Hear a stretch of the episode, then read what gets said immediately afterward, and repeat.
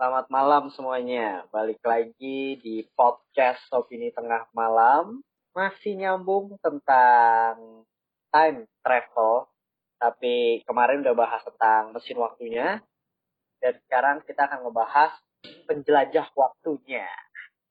Gimana nih teori kalian tentang mesin waktunya? Apakah kira-kira possible untuk kita pergi ke masa depan? Atau malah possible yang ke masa lalu? Dan kalau kalian punya teori dan pendapat bisa langsung tulis di kolom noise dan Instagram, Twitter, dan masih banyak lagi lah cara menemukan kita. Terus juga jangan lupa follow YouTube-nya Opini Tengah Malam. Di sini Naked juga ada, YouTube Opini Tengah Malamnya juga ada. Dan kalau kalian lagi nyari kaos konspirasi dan film bisa langsung kunjungi TGI ya. Jadi tanpa basa-basi lagi, kita langsung masuk aja ke kisah-kisah time traveler yang mungkin bisa Hmm. buat kalian terguncang. Tetap open minded, balik lagi di podcast diskusi opini tengah malam.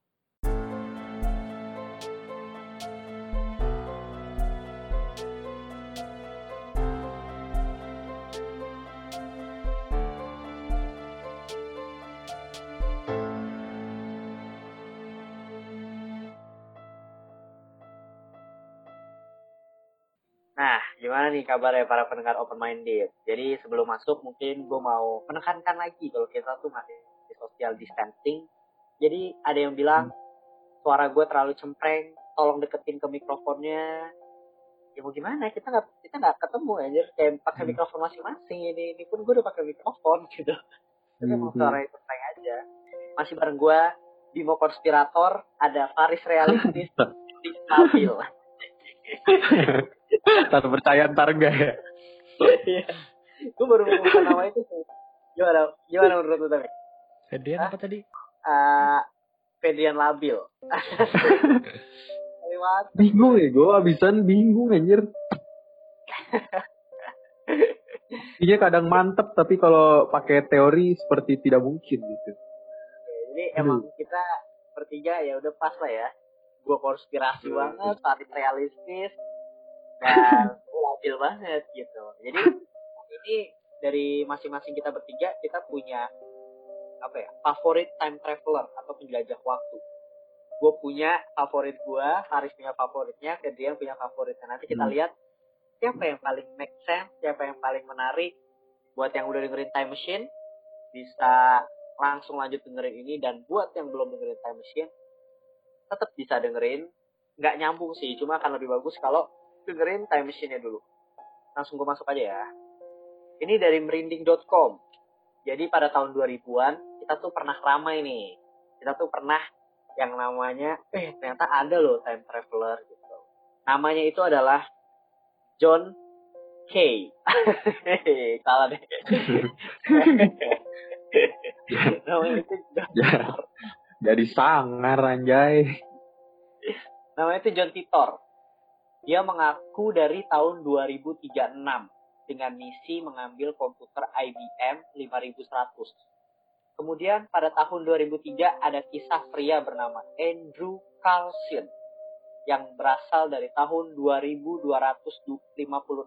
Gara-gara dia tuh cuma menang di trading ber- berisiko di Wall Street doang sebenarnya gitu. Jadi orang ngira, Hmm. wah dia time traveler nih gitu. Kalau kalian nonton Back to the Future, ya model-model kayak Back to the Future 2 tuh yang si siapa namanya? Yang jahat Beef. Iya, beefnya balik ke masa lalu untuk ngubah gitu. Cuma ini nih nih ada pembantahnya ternyata.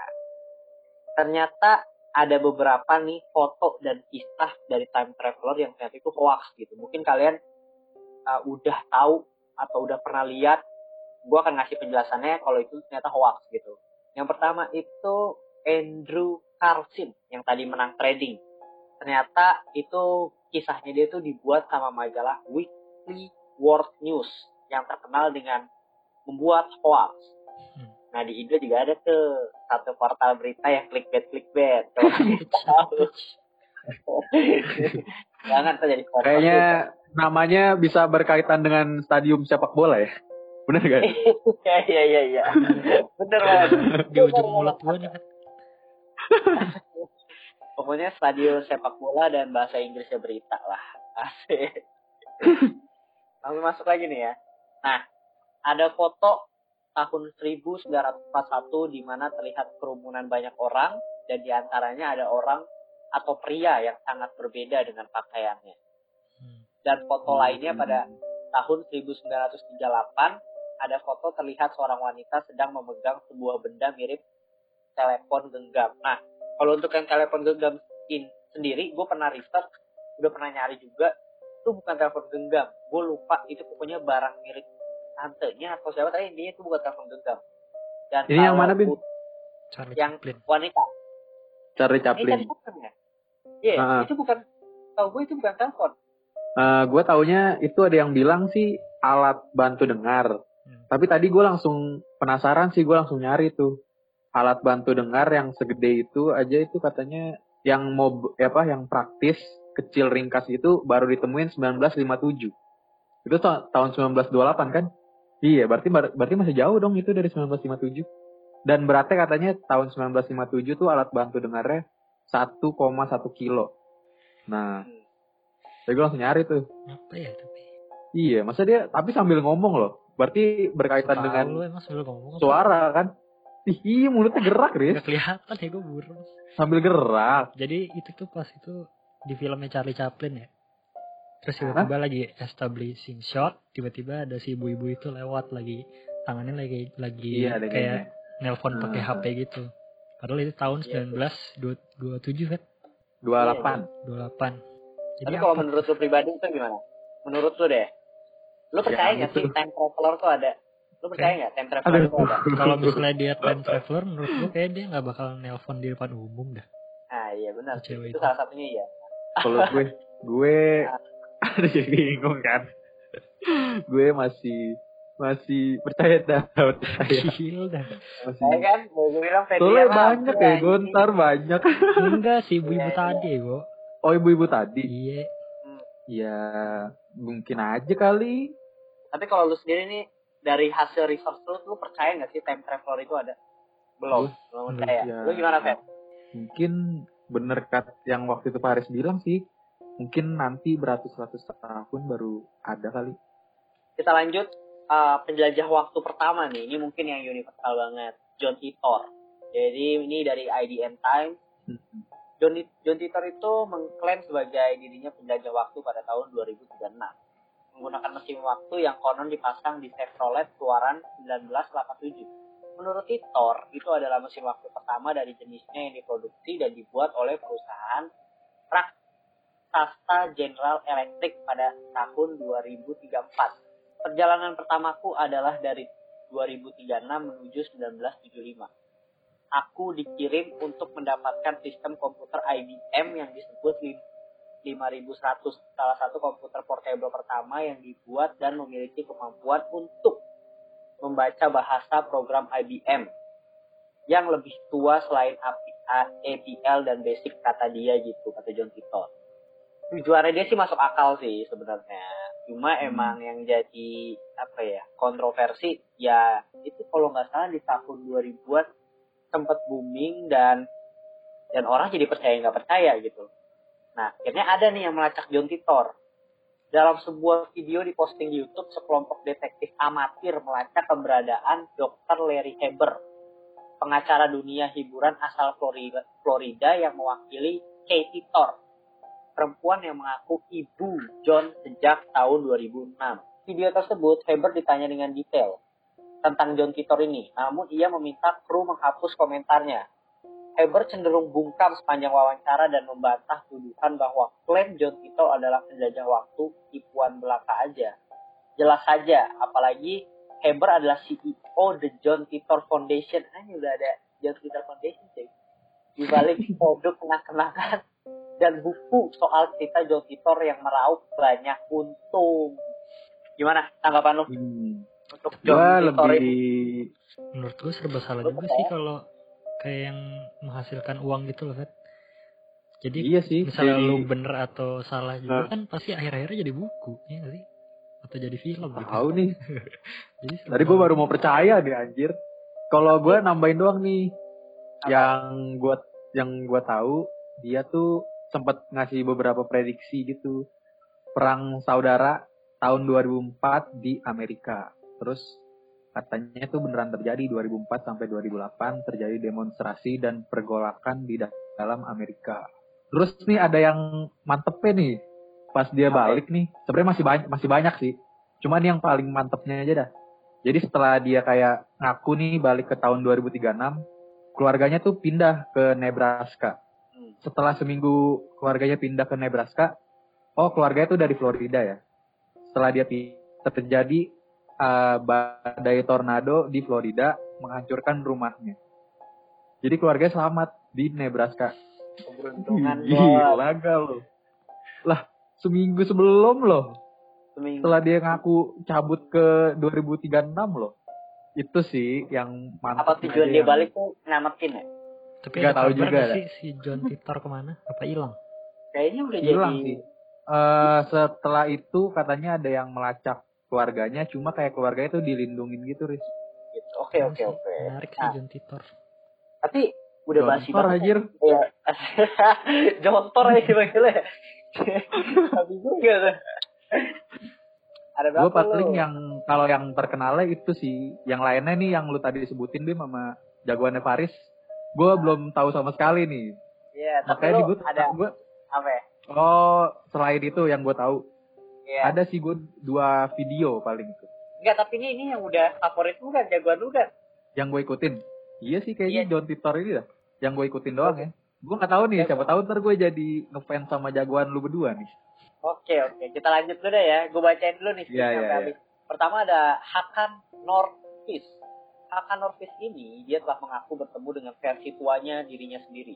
Kisahnya saat itu ia terpleset di dapur rumahnya. Entah bagaimana dia merasa masuk ke sebuah wormhole. Jadi intinya ada yang bilang dia terpleset, ada yang bilang juga kalau dia itu nginjek genangan air yang dia juga nggak tahu lah kok misalnya keran dapur gue bocor nih gitu loh pas dia injek ternyata dia masuk ke wormhole tapi dia dia masuk ke wormhole itu katanya pas dia masuk ke wormhole dia dibang, dibangunin atau ketemu sama cowok yang mirip banget sama dia. Nah pas dia ketemu dia ngeliat tatonya di tangannya ternyata itu tatonya dia gitu. Dan dia kaget. Cowoknya juga kaget kalau dia itu ternyata ketemu dia di masa depan gitu. Nggak nggak ada yang tahu gitu loh tapi kayak lu tiba-tiba ketemu ketemu di masa depan gitu.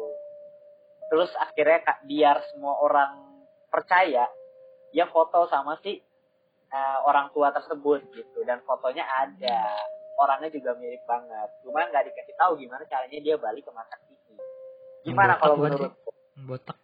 iya benar banget Iya iya iya iya. Iya bener Riz. yang tatonya di lengan kanan tuh. Riz. dia hanya terjatuh dan bermimpi Iya kayaknya dah. Itu kayak celeng atau Iya, apa, ada tapi- penyakit vertigo aja. Masuk ke wormhole. Cara masuk ke masuk ke wormhole keblek anjir. tiba-tiba ada air ya. iya iya. Anjing dah, maksudnya lagi lagi nih. kelas Apa? itu di mana anjir? Di jalan mana? Maksudnya di, Di dapur katanya dia. ada Wormhole anjir kocak juga sih. kayak ngapain juga wormhole di dapurnya dia anjir Terus kalau tato mah banyak kali ya tato temporer ya. Yang beli-beli di abang-abang ya yang di gini Oh panas. bisa bisa. atau enggak bisa pakai face app. Iya. pakai face app anjir sumpah. Kan banyak apa kalau buat nyari kalau mau casting misalnya nyari orang tua botak. Kayaknya banyak deh yang website-website penyedia gitu. Mungkin dia nyari emang orang yang mirip sama dia kali buat foto doang jadi dia nyari viralnya gitu mungkin di tahun segitu cukup cukup viral kali ya karena kan Oh, Bim, tambahin gue. Apa? Ini out of topic sih.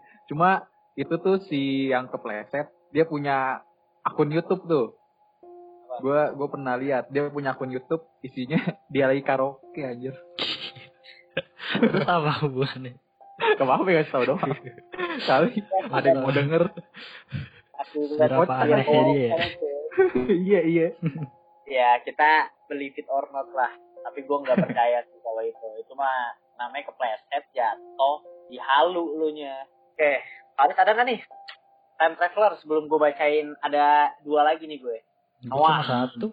gue bacain ya Noah ya Oke. ini juga sempat booming nih Noah pada tahun 2017 November mediaexpress.co.uk memberitakan bahwa ada seorang mengaku datang dari tahun 2028 seorang pria yang mengaku bernama Noah ini mengatakan bahwa dirinya rela membahayakan dirinya sendiri untuk kembali ke masa kini demi memperingatkan orang-orang bahwa mesin waktu itu benar-benar ada. Saya tidak sedang berusaha menipu. Saya tidak berusaha menipu semua orang. Tujuan utama saya adalah untuk membuktikan bahwa mesin waktu itu benar-benar ada dan saya sendiri adalah seorang time traveler kata Noah pada sebuah video yang diunggah di YouTube. Selain itu, Noah juga mengaku karena perjalanan yang menjelajah waktu, akibatnya dia menderita penyakit mental. Ini anorexia. Apa nih? A- Anoreksia. Dan depresi. Lebih lanjutnya, Noah mengklaim bahwa dirinya harus mengkonsumsi obat-obatan agar terlihat lebih muda dari usia aslinya yang sudah berumur 50 tahun. Kalian tanggapan tentang Noah ini? Tapi emang orangnya tuh kurus banget tau gue. Dia Kayak- masa depan ya. Lalu duluan kali ya? dia dari masa depan gitu jadi gue rada sedikit kurang percaya kayak anjir lu time travel kayaknya at least badan lu tuh bugar gitu loh Iya, maksudnya Ya, kan maksud gua- biasanya kalau kayak gitu kan militer gitu ya. Iya. sih? iya pasti ada ini, ini kurus banget aja. Kayak gue kayak gue kayak gini. Karena kurang kurang evidensi kali ya. gue juga bisa bilang kok kalau misalnya gue dari 2050 tapi gue nggak mau ngasih tahu aja misalnya gitu. Pasti udah ya mungkin nggak percaya kan gitu loh ya. Kita kan nggak tahu. Gitu. Cuma kalau dari kalian nih gantian nih. Gue udah ungkapin time traveler gue gue mau nyimpan nih yang terbaik di akhir Oh. Dari Kan siapa dulu nih? Colekan maut lu. eh gambreng ya gambreng ya gambreng dah Gak apa-apa, gue dulu dah, gue dulu dah. Gue cuma soalnya video pendek doang, gue video pendek. Jadi YouTube video ada nih, yang pertama, ya video pertama dulu Bim, yang tidak yang TV show Spanyol dah, yang cuma 4 detik. Udah nonton belum lu pada? Ini mau nonton. Nah, Belum. itu gimana tuh menurut lu? Itu Oh, pada gue- tahun gue- delap, 80-an. Gue ada, itu gue dapat. eh pendengar belum tahu ceritain dulu kalau nonton Oh, YouTube gitu. mereka videonya gue play Oh iya ya. Oh iya ya. Jadi ini dapat gue dapat dari Reddit. Terus katanya itu ada salah satu cuplikan TV show dari Spanyol pada tahun 80-an. Jadi itu ada anak kecil megang kayak HP secara landscape. Bener nggak sih? Landscape. benar Iya, bener. Landscape. Abis di Angkat landscape, terus diputer sama dia masih diliatin tuh jadi port potret tuh. Seperti kayak kita megang handphone, Ya Iya kan? kayak lu lagi ngerekam lah. Abis abis lu ngerekam, lu keluar dari aplikasi, jadi potret lagi kan? Nah Iya. gitu. Nah, itu Gimana tuh? gue juga pas lu kasih tau video gue kayak apa sih ini Hmm. gitu tapi pas lu kasih tahu Hmm. tahunnya aneh aja sih itu menjanggal berapa, banget. 80 Riz. Apaan tuh ya? Janggal kan 80 Gua apa? sebagai- Ada penjelasannya? Ada yang ngasih teori nggak? Enggak sih. Oh enggak sih. Dia cuma ngomong gitu dong pada. gue pribadi sih ya percaya sih asli kan Bimo konspirator Tapi kira-kira deh, kira-kira kira-kira apa pada tahun 80 yang mungkin dipegang oleh anak kecil? Itu sekitar umur berapa ya? La, la- 8 sampai 10 lah. 8 sampai 10 Ya, tahun ini- yang kira-kira dipegang teori sama gua. anak kecil. teori gue Hmm. kalau itu bu- bukan time travel kalau itu time traveler juga gue sedikit kurang percaya karena maksud gue time traveler itu untuk balik ke masa lalu itu krusial banget sangat sangat krusial apalagi kalau Hmm. itu bisa ketahuan sama orang di sekitar situ dan ini dikirim anak kecil gitu Ku- kurang meyakinkan aja kalau emang time travel itu ada kenapa harus anak kecil yang dikirim gitu loh Ntar jagoan gue Kalau- bro, ntar tuh yang jelasin. Gile. wo. Hero. tuh Iya kalau sih. kalau ya ini ini gue membantah ya membantah nih gue ya dan alat untuk alat itu mungkin ya kan ada game lah ada game Iya. Game Boy. game yang tanpa harus HP Game Boy mungkin atau mungkin tau gak sih lu game yang kalau dipencet-pencet cuma masukin buletan ke ke air yang ada tusukannya ada lah pokoknya. Oh. ya game-game yang kayak gitulah mungkin kalau game nggak mesti alat elektronik kalau menurut gue gitu. ya cuma emang kalau dari Hmm. kacamata konspirasinya nih ya Bisa bisa. itu lagi acara ngap ngapain dia main game gitu Hmm. mungkin bosen kan masih bisa lagi Itu kan Iya, nonton iya. bayaran. Dia sebenarnya nggak mau di situ. gimana nih kalau dari Faris realistis pasti Apa yang tadi? Faris. iya sih kayaknya dah. Kayaknya antara Hmm. suatu game atau alat elektronik di tahun 80-an gitu kayaknya sih. Antara nggak tahu sih gue 80-an ada apa aja sih buat dengerin lagu gitu. Tapi dia nggak pakai headset ya. Tahu dah. Kayaknya sih antara Iya, Game Boy itu dah. sih nah kalau dari Game kali ya. bisa Iya.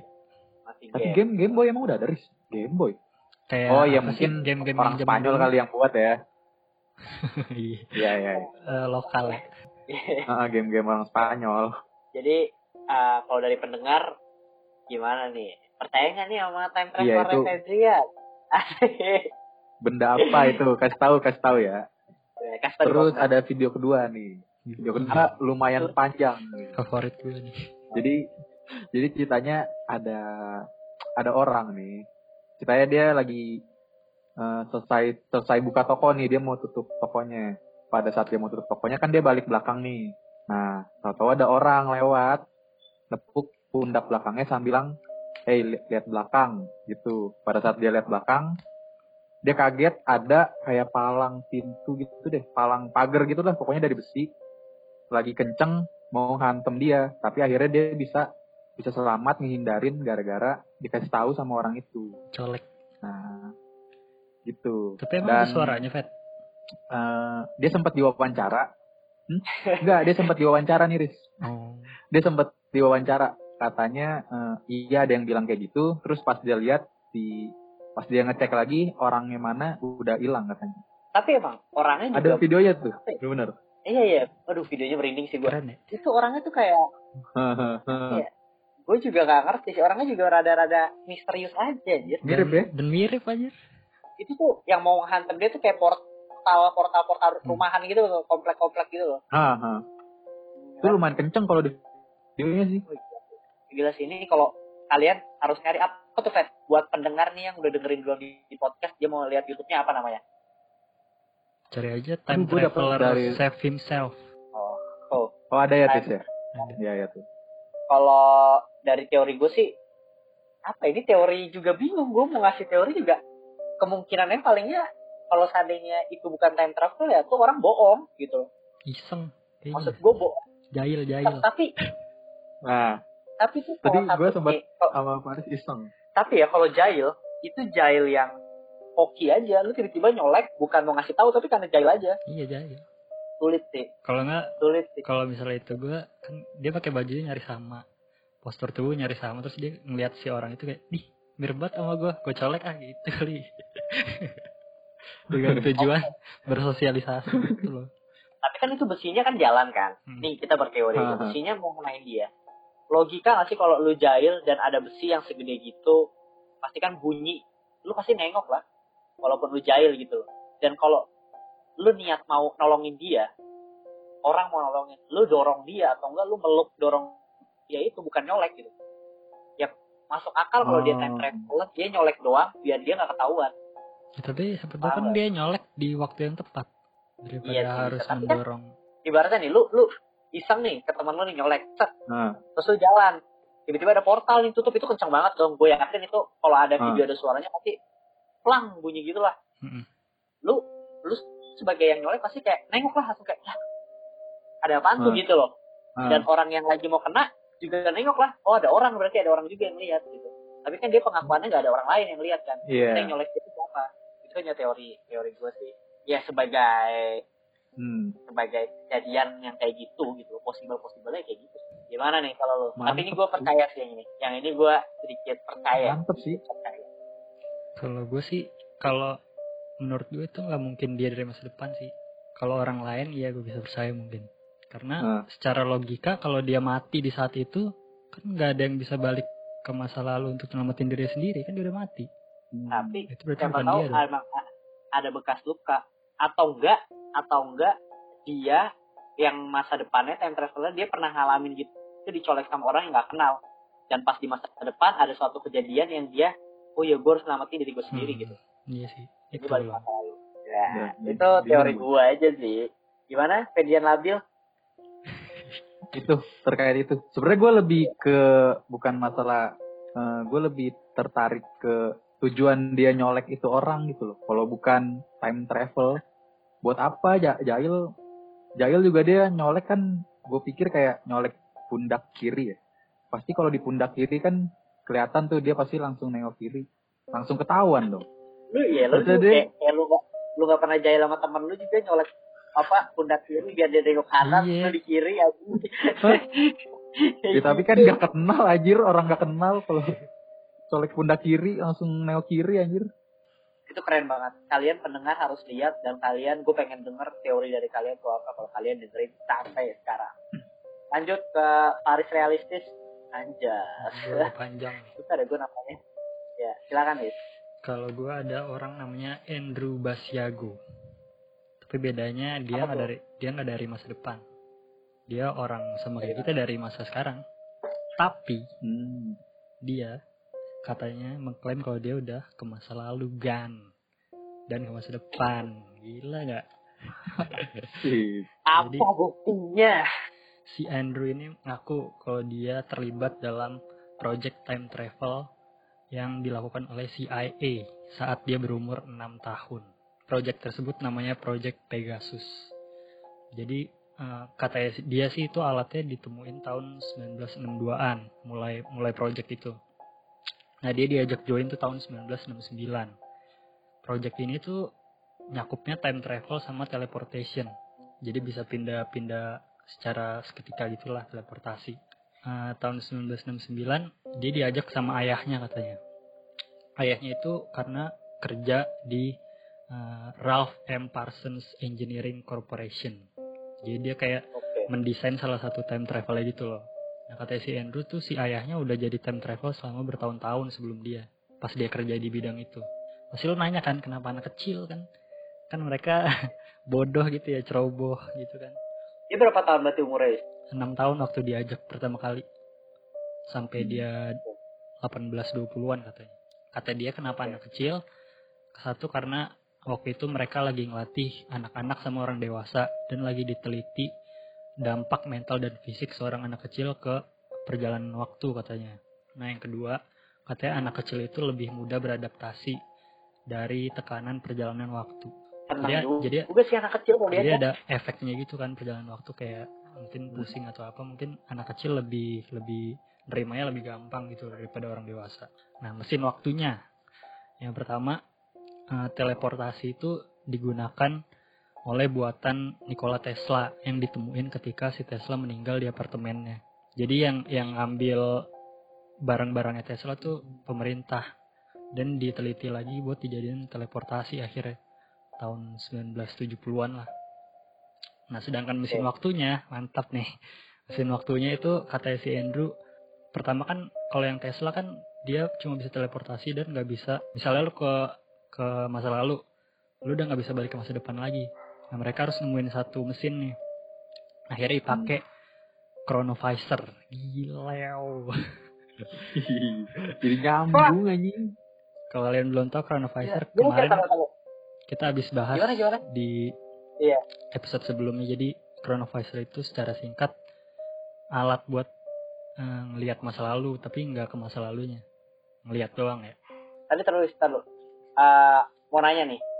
Jadi Tesla uh, nemuin alat kan, dia tuh nemuin alat kan. Ini sebenarnya kalau kalian yang belum tahu, Nikola Tesla tuh yang pernah klaim kalau dia bi udah bisa nemuin mesin waktu.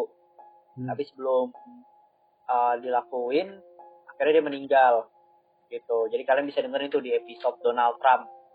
Itu Donald Trump itu penjelajah waktu. Karena itu kita pernah bahas mesin waktunya. Nah, berarti kan mesin waktunya digituin sama pemerintah kan. Hmm. Terus yang lanjutin penelitiannya Tesla itu adalah kakek dari Donald Trump. Tapi kakek dari Donald Trump itu mengatakan bahwa mesin waktu itu nggak bisa digunain dan Nikola Tesla itu berbohong katanya. Nah kalau dari kejadiannya si Paris ini berarti after dia si kakeknya Trump mengaku kalau alatnya nggak bisa digunain atau ternyata emang alat itu bisa digunain sebenarnya? Ya nggak tahu. Pokoknya intinya dia bilangnya sih ini terbuat dari penemuannya Tesla. Nah, habis itu dia berangkat tuh ke masa depan ya. Masa depan atau masa lalu tadi?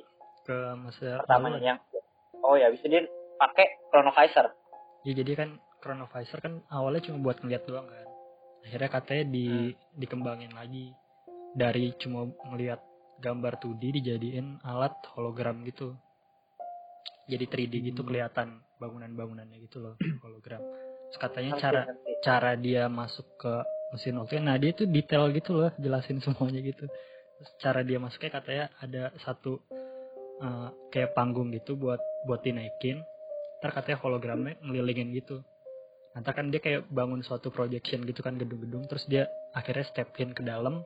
Akhirnya udah dia balik ke masa lalu. Tiba-tiba di masa itu gitu. Nah untuk dia balik lagi ke masa sekarang, Gak tahu kalau itu dia kayak nggak jelasin detail sih. Wah menarik sih. Ini gue kalau seandainya dari episode sebelumnya yang kita bahas tentang chronovisor ini, yang tadinya kita Hmm. bilang anjir bullshit ah itu gitu loh. Kayak Iya. nggak masuk akal. Tapi iya kan, kalau kalian belum dengar kalian dengar dulu tuh yang episode kemarin. Jadi jadi gue dengan penjelasannya Faris ini ternyata chronovisor ya mungkin emang bener ada tapi disembunyiin Mhm. karena takut jatuh ke tangan yang salah gitu. Mhm. bukan sekedar ya maksud gue ya itu emang bukan hanya obrolan biasa ya tapi kayak jadi jadi menarik aja jadi relate aja dan relate relate nya itu garis benang merahnya itu jadi nyambung sama Nikola Tesla di mana ilmuwan terpinter ya menurut gue saat itu nyiptain mesin waktu di, dilanjutin dan nyambung ke chronovisor gitu loh. Jadi kayak hanya nih konspirasi yang kalau keberuntungan keren banget gitu loh. Kalau cuma keberuntungan ya kayak mus bukan mustahil sih hampir mustahil mah gila bima konspirator coy. Gimana gimana kalau Faris masih ada lagi nih bukti dan misi-misinya dia dia ceritain juga. Yang pertama yang paling terkenal nih gue send fotonya di grup kita. Jadi dia di jadi tuh misi misi para time traveler bocah-bocah pintar ini ke masa lalu ke masa lalu untuk eh, ngomong sama presiden-presiden Amerika Ah, untuk menyampaikan sebuah informasi. Salah satu misinya ini dia disuruh ke Gettysburg untuk bertemu Abraham Lincoln. Nah dia ke masa lalu ke Gettysburg ketika perang revolusi itu yang gue kasih gambarnya. Di sebuah di sebuah foto ini nih yang diambil tahun 1863 eh, ketika perang revolusi itu dia mengklaim bahwa anak kecil yang ada di tengah frame itu itu dia. Iya. Dari masa depan, dari tahun 1972 katanya. Nah katanya dia udah udah berdandan di era itulah pokoknya tapi masih menarik Ini lagi medan perang, Riz. Medan perang. lagi nggak tahu sih ini lagi lagi demo kali perang revolusi gue juga nggak terlalu mungkin Terus? pas nggak lagi adu jotosnya kali Eh, terus Terus? dia bilang dia pakai baju era itu tapi sepatunya sepatu kegedean gitu loh nah akhirnya dia jalan lari Hmm. dan ketangkap di foto ini ini buktinya dia nih foto ini Hmm. terus yang kedua dia berkata dia pernah ke masa depan juga lebih tepatnya tahun 2045 katanya kata dia eh, tahun itu tuh gedung-gedung semua udah terbuat dari emerald dan tungsten Tungsten kan? tahu kayak batu-batu yang mewah itulah emerald batu Hmm. zamrud nah di sana katanya dia tuh dikasih sebuah benda yang berisi semua pengetahuan dan event sejarah yang pernah terjadi di dunia sampai tahun 2045 itu katanya. Terus ada lagi misi mantul nih teleportasi kalau yang ini. Jadi pada waktu itu dia disuruh teleportasi misinya ke Mars. Gila gak lu ke planet lain. Terus terus. dan menariknya si siapa? Namanya tadi? Si Andrew ini Andrew. dia mengklaim eh, bahwa pada misi itu tuh dia ketemu sama salah satu rekannya lah rekan teleportasinya yaitu Barack Obama cuy Pada saat itu- pada saat itu namanya namanya dia bukan Barack Obama tapi namanya Barry Sutero. Jadi Indonesia anjir. Soetero Sutejo aja. Sutejo aja. jadi kan bukan Obama pernah tinggal di Indonesia Iya. Tapi emang nam, dipanggilnya kalau nggak salah Berry dah. iya Barry. Pas di Indonesia bener. Terus katanya mereka Oh, iya? memiliki misi untuk Iya. berkomunikasi dengan makhluk Mars katanya.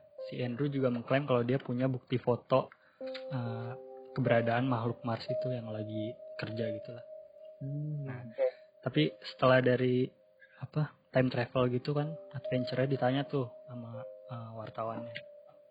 Katanya eh, apa mereka melakukan sebuah penghapusan memori gitu kan lu keluar dari program itu kan nah si, si Andrew bilang kalau dia oh, pernah merasa di ditusuk itu loh diinjeksi sesuatu di bagian tulang belakangnya katanya ketika dia mau keluar dari program time travel tersebut.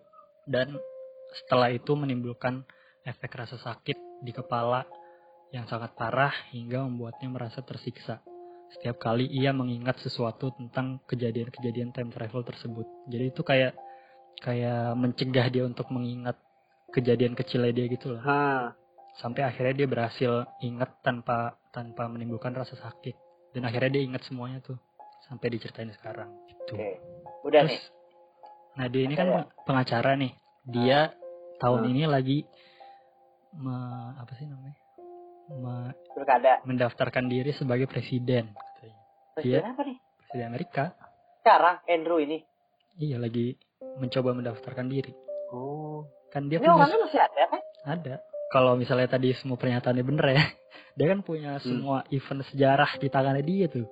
Harusnya dia bisa tahu tuh kemenangan-kemenangan gitu loh. Iya ya. Katanya kalau dia terpilih, katanya dia janji bakal mengeluarkan semua pengetahuannya tentang time travel dan teleportasi. Terus Oke. dia, dia Oke, bilang lalu. dia bilang juga eh, time travel ke semua orang mungkin bukan ide yang bagus, tapi teleportasi ke semua orang itu salah satu ide yang bagus untuk mempermudah transportasi katanya. Cier. Tuh, jagoan gue ya no, Andrew. Andrew. Gue. Berry. Berry Sutejo anjing jagoan. Anjir aja. Oke oke.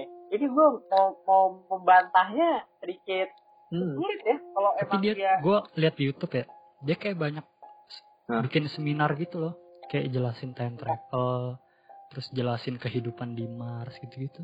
Ada seminarnya satu jam dua jaman banyak banget.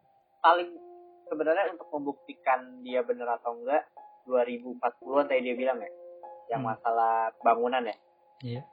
kita masih bisa kita masih bisa ngeliat sih umur kita amin-aminnya kita masih Hmm. hidup di umur segitu dan untuk membuktikan bahwa apakah Berry benar dengan perkataannya atau enggak gitu sih jadi Andrew. untuk membuktikan Eh, Andrew, ya ya, Berry Berry masih Barack Obama ya kayak gitu sih jadi Tapi Ya, mantep untuk sih dari sekarang- fotonya ya.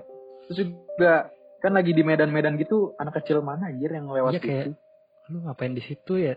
Mungkin dia menarik Iya. perhatiannya karena itu kali ya, anak kecil ngapain di sini sih? Ini kan lagi ada perseteruan gitu. Hah, lagi chill gitu Tapi lagi. ya. Cuma memandang jadi memandang doang. pertanyaan, jadi pertanyaan adalah kenapa dia nggak dibunuh untuk membungkam semua omongan sedangkan itu project yang menurut gua Justru itu konfidensial ya. asuransinya.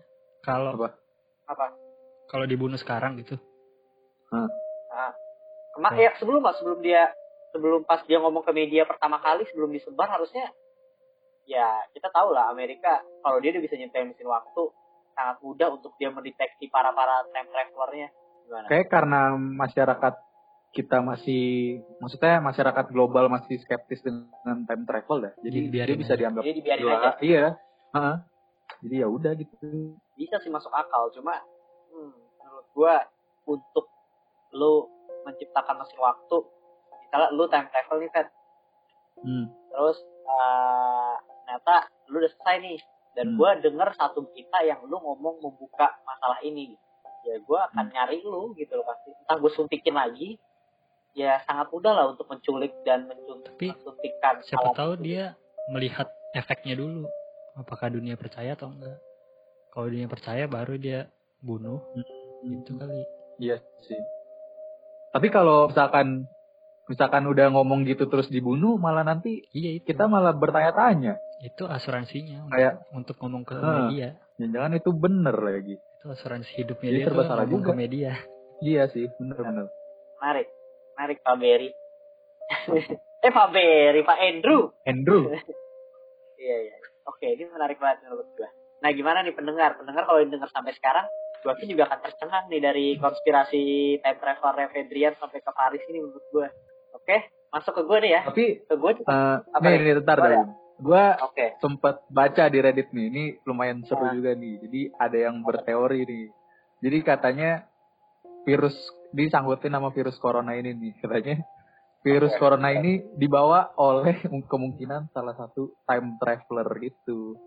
Pada tahun ya tahun masa depan dah. Jadi obatnya sekarang belum ketemu gitu katanya.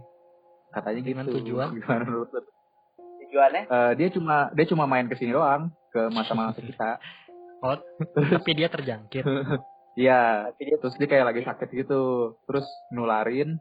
Terus kena ada jadi mewabah terus gue kepikiran juga sih emang kata Faris kan waktu itu orang masyarakat sana kan udah sering makan kelelawar ya harusnya kan nggak apa-apa ya terus gue kayak ya cocok logi aja wah jangan-jangan bener gimana Itu kan Ferdinand Labil kan? Gimana Labil. tuh Gak Iya, gue. kan? Gue aneh itu aja. Kayaknya maksudnya Bagi gua- untuk dia diizinkan ke time travel pasti cek medis aja. iya ya ya seru aja Tapi kemungkinan terlalu terlalu labil bro, terlalu naif air. Nah gini ya, namanya virus gak ada yang tahu ya gue udah udah udah. virus virus gitu tadi take down nih kita. oh iya ya Nih ya, lanjut nih. Kalau gue, kalau gue nih ya, time traveler yang sangat-sangat mungkin. Di episode sebelumnya, Faris pernah bilang juga kan, kita nggak mungkin time traveler, apalagi ke masa depan, atau kalau kita berdiri sendiri tanpa bantuan dari makhluk luar atau orang luar lah, alien gitu. Nah ini time traveler bersama alien, asik. Faris dari Amerika, gue dari Hmm. Rusia bro. Jadi Gila, namanya perang nih Yo, cuy. Namanya adalah Sergi Paramarenko. Ada tandanya cuy. Paramarenko namanya. infinityexplorer.com. Jadi nih, panjang nih ya. Pada tahun 2006, seorang pria di Kiev, Ukraina, menggunakan pakaian aneh dan kamera di tangannya seperti turis. Dia mengklaim bahwa dia dari masa lalu. Dia bercerita saat dia keluar rumah, dia melihat benda aneh dan langsung mengambil kamera yang ada di tangannya untuk foto benda tersebut. Pas dia nurunin kamera, lu bayangin ya, lu foto pakai kamera, hmm. kamera Hmm. jadul ya, sama lah kayak kamera DSLR lah. Lu foto, lu pasti angkat kamera lu di mata lu dong, ya kan? Set, Hmm. lu arahin kamera ke mata, lu foto benda anehnya. Lu turunin kameranya, set, lu dari masa depan. Paham gak? Paham gak sampai sini? Paham ya? Nah, Nah, Terus hal ini menarik perhatian Pablo Kutrikov. Dia adalah pakar dari apa namanya psikologi dan eh, fotografi itu Vadim Posner, Poisner. Dua orang ini yang menginvestigasi si Sergi dan jadi awalnya ini kasusnya ini pada 23 April tahun 2006 ketika ada laki-laki berusia 25 tahun kurang lebih kebingungan di jalan tanpa tujuan dan hanya meme- memegang kamera jadul di tangan. Polisi akhirnya meminta identitas. Ini polisi bingung nih, ini ngapain orang celingak celinguk gitu kan. Diminta identitas resminya. Pas dilihat, lah dia kaget. Dia ini dari Uni Soviet, tapi tahu 50 tahun lalu namanya Sergei Paramenko. Dan orang ini tetap karena kebingungan ngeyel kayak anjing ini gue di mana dan lain-lain gitu. Nah polisi ini bawa dia akhirnya ke psikiater karena dia pikir ini orang gila. Nah pas di psikiater ini ditangani oleh Pablo Kutrikov yang menginvestigasi dia. Jadi akhirnya diinvestigasi pada tahun tahun 26 April 2006. Jadi direkam nih. Ini percakapannya. Bahasa Inggris sebenarnya sih udah gue translate nih. Dari dokternya katanya. Coba perkenalkan dirimu. Terus katanya si Sergi, gue Sergi Paramenko. Lahir di kota Kiev 16 Juni 1932. Terus kata dokternya, oh iya, gue yakin penampilan lu tuh nggak lebih dari umur 30 tahun. Harusnya kalau lu dari tahun segitu, lu udah sekarang udah tua banget. Terus si Serginya ngomong, umur gue 25 tahun. Dokternya nanya lagi, cara Sergi bisa sampai di tahun 2006 tuh gimana sih? Gitu kan. Serginya jawab, itu hari di mana uh, saya berjalan, ingin berjalan ke kota. Saya membawa kamera saya, tetapi ketika saya keluar rumah, saya melihat benda aneh. Itu sangat aneh. Dan itu terbang melayang uh, di depan mata dia. Sulit menjelaskannya kan. Mungkin akan lebih mudah ketika kalian melihat foto di kamera saya. Dan mungkin itu akan menjawab pertanyaan ini. Nah, karena dokter Putrikov ini nggak tahu pas dia ngambil foto, ya dia nggak karena dia dokter psikolog, dia nggak tahu apa-apa tentang foto. Karena dia manggil ahli fotografi yang namanya Paddy Poisner. Dan pas dipanggil si Poisner ini terkejut. Dia bilang foto ini bener-bener berusia ya di tahun 70-an gitu loh. Pokoknya di tahun uh, yang si Sergi bilang. Dan logikanya kalau itu foto di tahun segitu gitu dan kamera itu udah langka banget di foto di tahun segitu dan dibawa sama si Sergi di tahun 2006 harusnya foto itu udah ya kayak foto lama apa sih lecek atau jelek atau apa pun lah. Tapi ini kayak foto yang baru diambil kemarin gitu loh. Foto yang masih fresh dan masih ada beberapa di kameranya itu nggak cuma foto UFO tapi ada foto-foto kotak Kev pada tahun 1000 ya pokoknya yang Sergi bilang 50 tahun sebelum dia di 2006 kan itu aneh banget gitu loh. Kayak anjir nih foto masih bagus dan ada foto kotak-kotak di tahun segitu gitu loh. Dan Serginya bilang sekarang lu percaya gue kan gue tuh ngomong yang sejujurnya gitu. Gue juga nggak percaya dan mengerti kenapa gue bisa sampai di sini cuma gara-gara gue foto objek aneh yang bu mungkin nih ntar ada fotonya gue kasih itu kayak UFO bener-bener kayak UFO bentuknya. Uh, dan itu terjadi begitu saja sama gue gitu. Setelah dia berbicara sama si dokter Kurtikov ini Sergi pergi ke ruangannya nah di klinik tersebut dilengkapi sama kamera kamera CCTV tapi nggak ada satu kamera pun yang nangkep Sergi keluar dari klinik itu. Dan dicari. Uh, kalau dia lewat jendela itu nggak mungkin karena jendelanya itu ada tiang-tiang gitu loh. Dan itu sangat mustahil kalau manusia keluar dari situ. Akhirnya dia ngilang nggak ketemu polisi ngelakuin investigasi atau uh, yang melanjutin di Sergi ini orang hilang. Dan pas dicari tahu pihak berwajib akhirnya membenarkan bahwa orang itu atau si Sergi dinyatakan ada dan menghilang pada tahun 1960 datanya ada orang hilang tahun 1990 dan sekarang dia nggak tahu orangnya di mana. Gila gila gak gue juga nggak tahu itu time travel atau apa gitu loh. Dan ini nggak pakai alat gitu kayak dia pun dia pun nggak tahu. Tiba-tiba hmm. gue lagi foto pas gue nurunin kamera gue anjir gue di mana cuy? gitu gimana deh? Yang ini. Keren. Jadi kalau udah bawa-bawa pihak berwajib susah disangkal juga ya. Pihak berwajibnya udah tadi kan ada datanya bim ya? 1960 orang Iya, itu itu menghilang di web.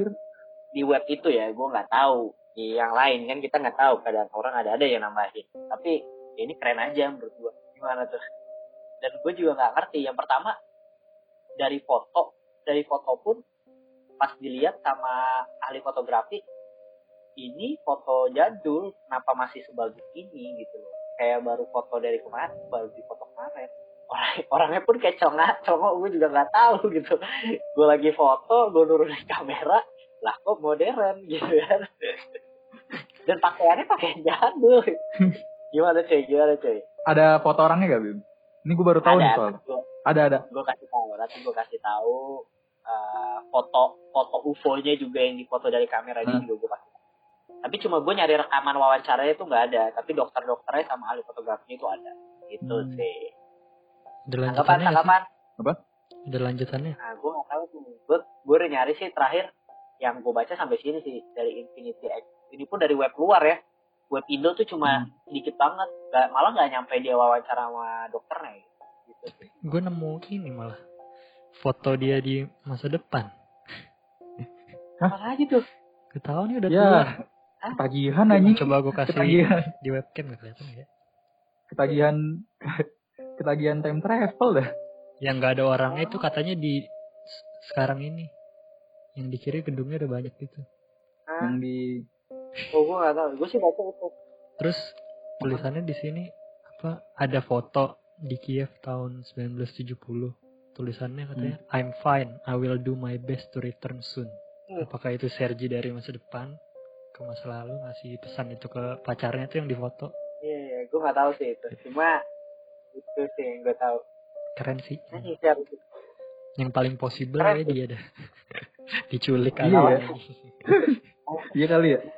Karena yang tenaganya tahu kan. iya, tenaganya yang kita belum tahu kan. Hmm, hmm. Gitu cuy. Nah, dari gimana nih? Ini sebelum gue tutup ya, sebelum gue tutup. Kalau pendengar gimana nih dari konspirasinya Fedrian, Farid, gua dengan pembahasan time traveler ini kalian paling percaya sama yang mana? Dan tanggapan gue nih dari gue ya, dari semuanya, gue ngerasa ada atau enggak time traveler, gue nggak tahu untuk balik ke masa lalu ya. Dan gue sih percaya ya, gue percaya kalau one day akan ada mungkin uh, menjelajah waktu walaupun itu sangat-sangat bertentangan ya sama sama hukum di bumi atau apa pun gitu loh. Cuma gue yakin akan ada. Apalagi dari ceritanya si Andrew, ceritanya ada beberapa Hmm. foto yang tertangkap dan lain-lain. Cuma mungkin gue nggak bisa ngerasain sayang banget. Kayak gue pengen banget selama hidup gue tuh at least gue tahu yang namanya black hole, wormhole atau gue bisa ngerasain mesin waktu dari gue sih oke paling possible menurut gue ya paling possible itu ya si yang Pedrian oke tapi masih bisa iseng gue sih Hmm. lebih suka ceritanya Ari sih sebenarnya ya lebih lebih konspirasi banget lah gue lebih suka kalau emang hal itu benar ada walaupun paling possible si siapa ya, yang benda asing pun kan kita juga nggak tahu itu benda apa gitu Hmm. sulit dibuktikan lah tapi paling possible sih kalau menurut gue Faris dari gue. Dari Orangnya Fedian masih hidup lagi ya? Si iya orang sekarang. masih hidup dia. lu gimana Fed Kalau soal time traveler ini ya, eh, Hmm. eh, gua dibilang kayak percaya banget juga enggak sih. Jadi kayak ya kalau ada ya bagus, kalau nggak ada ya udah. Cuma mungkin ya yang gue pikir ya, kenapa para time traveler cuma berani balik ke masa lalu? Apa gara-gara teknologinya belum canggih ya? Ya lu masa depan Jadi- apa kita juga kalau masa depan nggak tahu Fed kan cuma omongan Enggak, aja dia jadi jadi dia gak balik sampai ke 2010 karena itu udah ada smartphone jadi orang udah gampang gitu loh. gampang Jadi kan kalau ketangkap gitu ya. Iya, jadi zaman dulu mungkin masih susah gitu ketangkepnya. Cuma cuma nyaru-nyaru doang bisa dia. kalau gue Kan? gue bilang gini gimana di zaman Nah. dulu lu mau cari tahu sejarah kebenarannya misalnya belum ada Google data-datanya lu cuma by tulisan yang orang pun sebenarnya bisa eh, apa ya ngubah gitu loh orang bilang dari mouth to mouth aja obrol omongan ke omongan aja gitu tapi kan kalau udah di tahun 2000 internet Hmm. masuk datanya udah digital semua lu kayak nggak perlu balik ke masa lalu yang banget lu Hmm. bisa dapet data itu Iya maksudnya kalau yang Mungkin mereka yang zaman dulu banget kan saking jadulnya tuh rekornya kan nggak terlalu detail dan bisa Hmm. di- diubah dengan gampang gitu ya. mungkin Iya, mereka Jadi masih bisa nggak ngetes kali. 100% benar kalau yang udah Ngetes- modern ngetes. kan pasti lebih Hmm. lebih banyak orang yang nyimpen datanya Motif. gitu lah kira-kira. Ih, jangan ada ih. Lihat lagi Ngetesnya ke ya, zaman dulu. Gimana Is? Gimana Is? Ah, dari semua ini Ya, paling possible dan akankah ada lah ya kayak yang gue bilang kemarin sih kalau masalah time travel mah kita Hmm. pasti harus harus teliti ke space dulu untuk mendapatkan energi baru dengan energi yang kita punya sekarang ini kayak masih belum cukup deh harus ada kalau misalnya mau cepat Iya. harus ada bantuan dari uh, ekstraterestrial kalau enggak kita juga bakal lama Hmm. banget kita ke ke Mars aja kita masih lama banget apalagi kita Yang paling nyari energi di luar galaksi kita mau sampai kapan soalnya kalau menurut gue yang paling possible ya kecepatan cahaya deh. Black hole kayaknya juga susah. Mm-mm. iya betul kayak black hole Black- black hole- atur black hole itu yang paling gampang ditemukan di tengahnya galaksi lu ke tengah galaksi Hmm. mau sampai butuh harus kecepatan cahaya juga Mhm. kayak ya Iya, sulit lah gitu oke tutup ya jadi Hmm. tutup sekarang buat pendengar siapa jagoan kalian ada Andrew Sergi dan Sergei Ya, lu. John Titor, John Titor. John Peter Jontor, anjing, Jontor, apa-apa. John Jontor, Suka pego, Jontor. Oke. Jadi uh, kalian komen ya. Siapa favorit kalian? Siapa yang paling masuk akal? Dan siapa cerita yang paling menarik gitu. Jadi gua Bimo Conspirator pamit. Sebutin dong nama barunya, kan? Ah, labil ini nggak apa-apa. Karena ini membingungkan, bro. Kita nggak bisa harus langsung percaya, bro. harus ditimbang-timbang.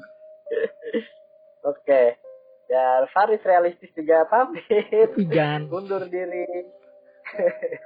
Tetap dengerin terus opini tengah malam. Jangan lupa komen. Dan sampai jumpa di episode berikutnya. Selamat malam.